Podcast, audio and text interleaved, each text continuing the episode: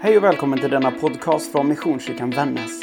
Vi hoppas att den ska uppmuntra dig till att ta nästa steg i din tro. Om du vill ha mer koll på vad som händer hos oss, gå in och följ Missionskyrkan Vännäs på Facebook och Instagram eller kontakta oss via vår hemsida www.missionskyrkanvannas.se. Välkommen hem hit! Hej och välkommen på gudstjänst i Missionskyrkan Vännäs. Idag är ni hjärtligt välkomna hem till mitt bibliotek här på Kommendörsgatan. Eller bibliotek och bibliotek. Det ska byggas bokhyllor men ni vet hur det är. Tid och sådär. Ehm, idag så ska jag vilja ta med er till en speciell plats i Bibeln. Ehm, på de alla eh, på, i, I de olika evangelierna så får vi ibland lite olika berättelser om vad som hände. Och det kan ändå vara samma tidpunkt som beskrivs. Ett sånt specifikt tillfälle, det är det som har beskrivits som den sista måltiden.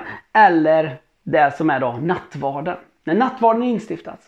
Tre utav evangelisterna, Matteus, Markus och Lukas, de har en väldigt liknande berättelse om vad händer, vad sker, olika detaljerat givetvis, men de har den alla tre.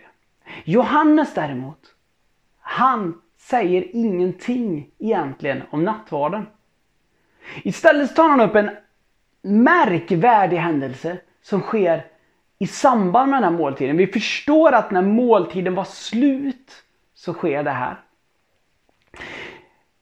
Det som beskrivs ska jag alldeles strax läsa här. Men jag tror, och det här har kommit att bli för mig när jag har läst den här, så har det talat så starkt in i mitt liv under pandemin om att här ger Jesus ett förhållningssätt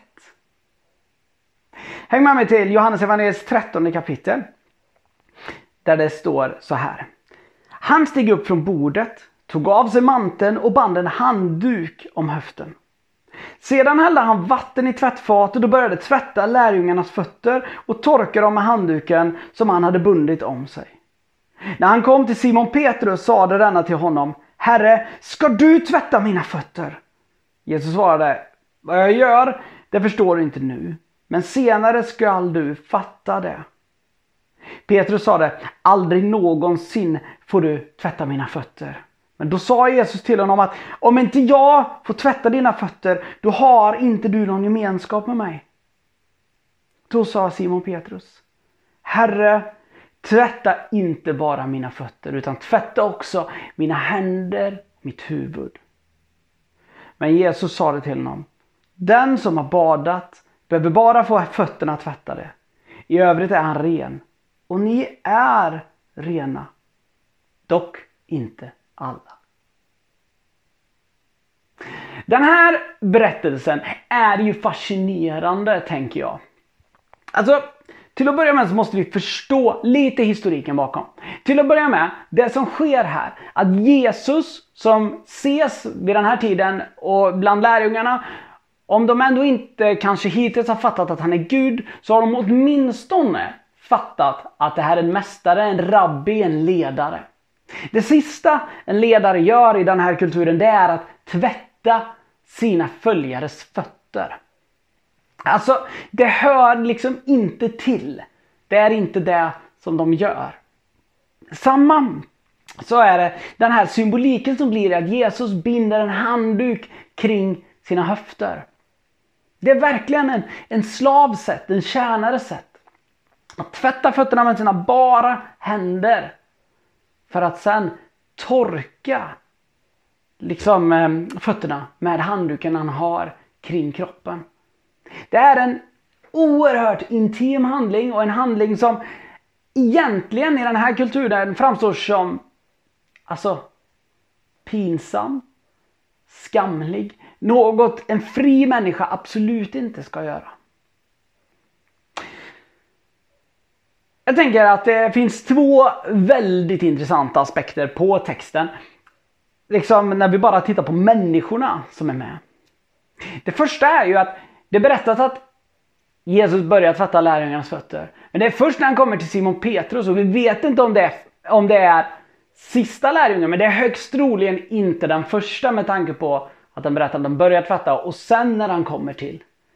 Det första vi kan reagera på det är att några, kanske alla förutom Petrus, vi vet inte, men de tillät att Jesus tvättade deras fötter. De på något vis accepterade kanske. Vi skulle också kunna ana att de kanske också är chockade. Vad händer? Vad gör jag liksom? Hur ska jag hantera det här? Men alltjämt, de säger inte emot. Den andra delen i ett agerande, det är ju givetvis Petrus agerande. Där Petrus blir aldrig i livet, kommer inte på fråga. På något vis, du är min mästare, du är min ledare, du tvättar inte mina fötter. Och Jag tänker, och en intressant aspekt på det här när Jesus också då säger att du förstår inte det här nu men du kommer förstå senare att om inte du låter mig tvätta dig så har inte du och jag gemenskap. Givetvis är det här en parallell till vad som hände några, egentligen bara några dagar senare när Jesus fängslas, dödas. Ja, han, det här är ju egentligen skärtorsdagen så att det är egentligen samma kväll kommer Jesus gripas, dagen efter kommer han mördas. Kommer avrättas. En symbolik som används är tvätt tvättas i lammets blod. Så det, det, här kan ju vara svårt att greppa, vad innebär det? Men rent krast. Att genom Jesus så blev vi fria. Då tvättades vi rena från det som är synden. Det är den ena symboliken i det. Men det andra som jag tänker och det är där jag vill fokusera idag. Det är där som jag verkligen har fått den här känslan och den här ingivelsen och jag tror också faktiskt budskapet från Gud. Det är att ställa frågan När fick jag tvätta dina fötter senast? Det är som att Jesus har ställt den frågan till mig. Och liksom, då talar vi inte fysiskt utan vi talar på ett högst andligt plan. När fick Jesus det intima mötet med mig senast? När fick Jesus verkligen, när tillät jag senast Jesus att knyta handduken kring livet och faktiskt bara vårda mig, att ta hand om mig?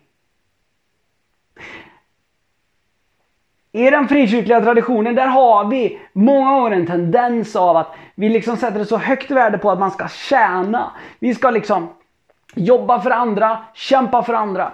Och det är jättebra. Det är ingen säger någonting om det. Men det finns konsekvenser på det också. För det är en balans mellan att tjäna och att ta emot. Både från andra människor, men också ifrån Gud själv. För Gud har aldrig någonsin tänkt om dig och mig att vi ska tjäna liksom konstant i hans rike och aldrig få ta emot någonting från honom. Där det bara är till oss. I pandemi, en pandemisituation tror jag det här kan liksom antingen sticka åt i det ena eller det andra hållet. Å ena sidan så kanske vi inte har lika mycket uppgifter som vanligt. Vi kanske känner att liksom, vi har inte samma liksom, engagemang just nu. Och det kan innebära att vi, ja då tar vi och sätter oss ner, vi verkligen tar tid för vår relation med Gud. Vi ber mycket, vi lyssnar på predikningar, vi liksom, ni fattar. Det är den ena biten av det. Men den andra biten av det, det tror jag att vi på något vis också kan liksom under pandemin liksom fastna i en sorts liksom, får jag inte tjäna? Då blir det som att jag inte heller hamnar vid Jesu fötter. Som att liksom, jag inte hamnar där så att jag bli satt i situationen så att Jesus verkligen får ta hand om mig.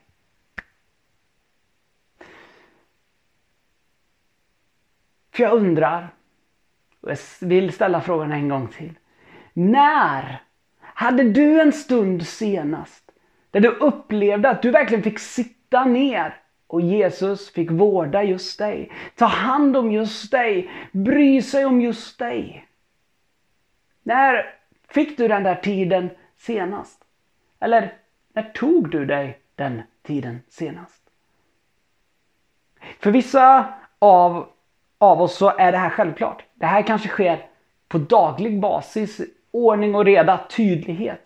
Men jag pratar också med många människor och jag själv faller också i mönster ibland. Där det absolut inte blir det där på daglig basis. Man får så fullt upp med de andra sakerna. Och jag tänker ju att i en sån här tid där vi har varit, många har upplevt sig liksom väldigt långt borta.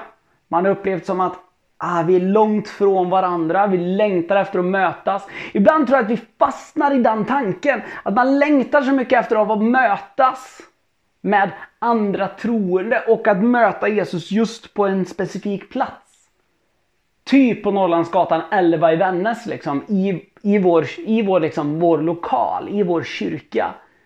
Så att det är som att vi nästan glömmer av det där intima, lilla mötet med Kristus. Den där lilla stunden med Jesus som Linda Sandell diktade en gång i tiden. En liten stund med Jesus i hemmets mörka vrå.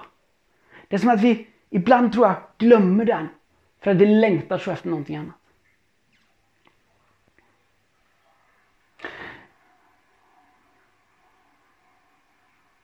När vi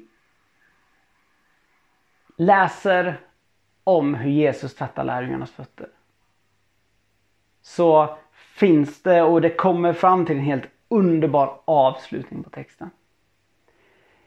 Petrus han ville verkligen inte få sina fötter tvättade av Jesus. Jag tror att det här var på något vis det skamliga liksom.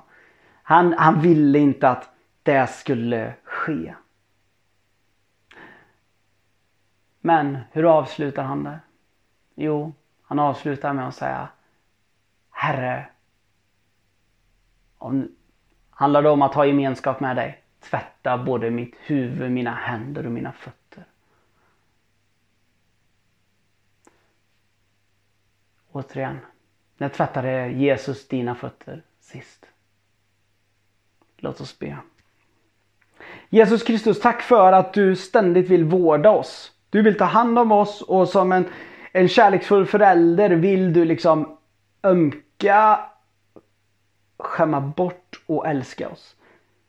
Herre, jag ber att du ska hjälpa oss att i det vardagliga skapa små enkla stunder med dig där du får tvätta våra fötter, där du får vårda oss.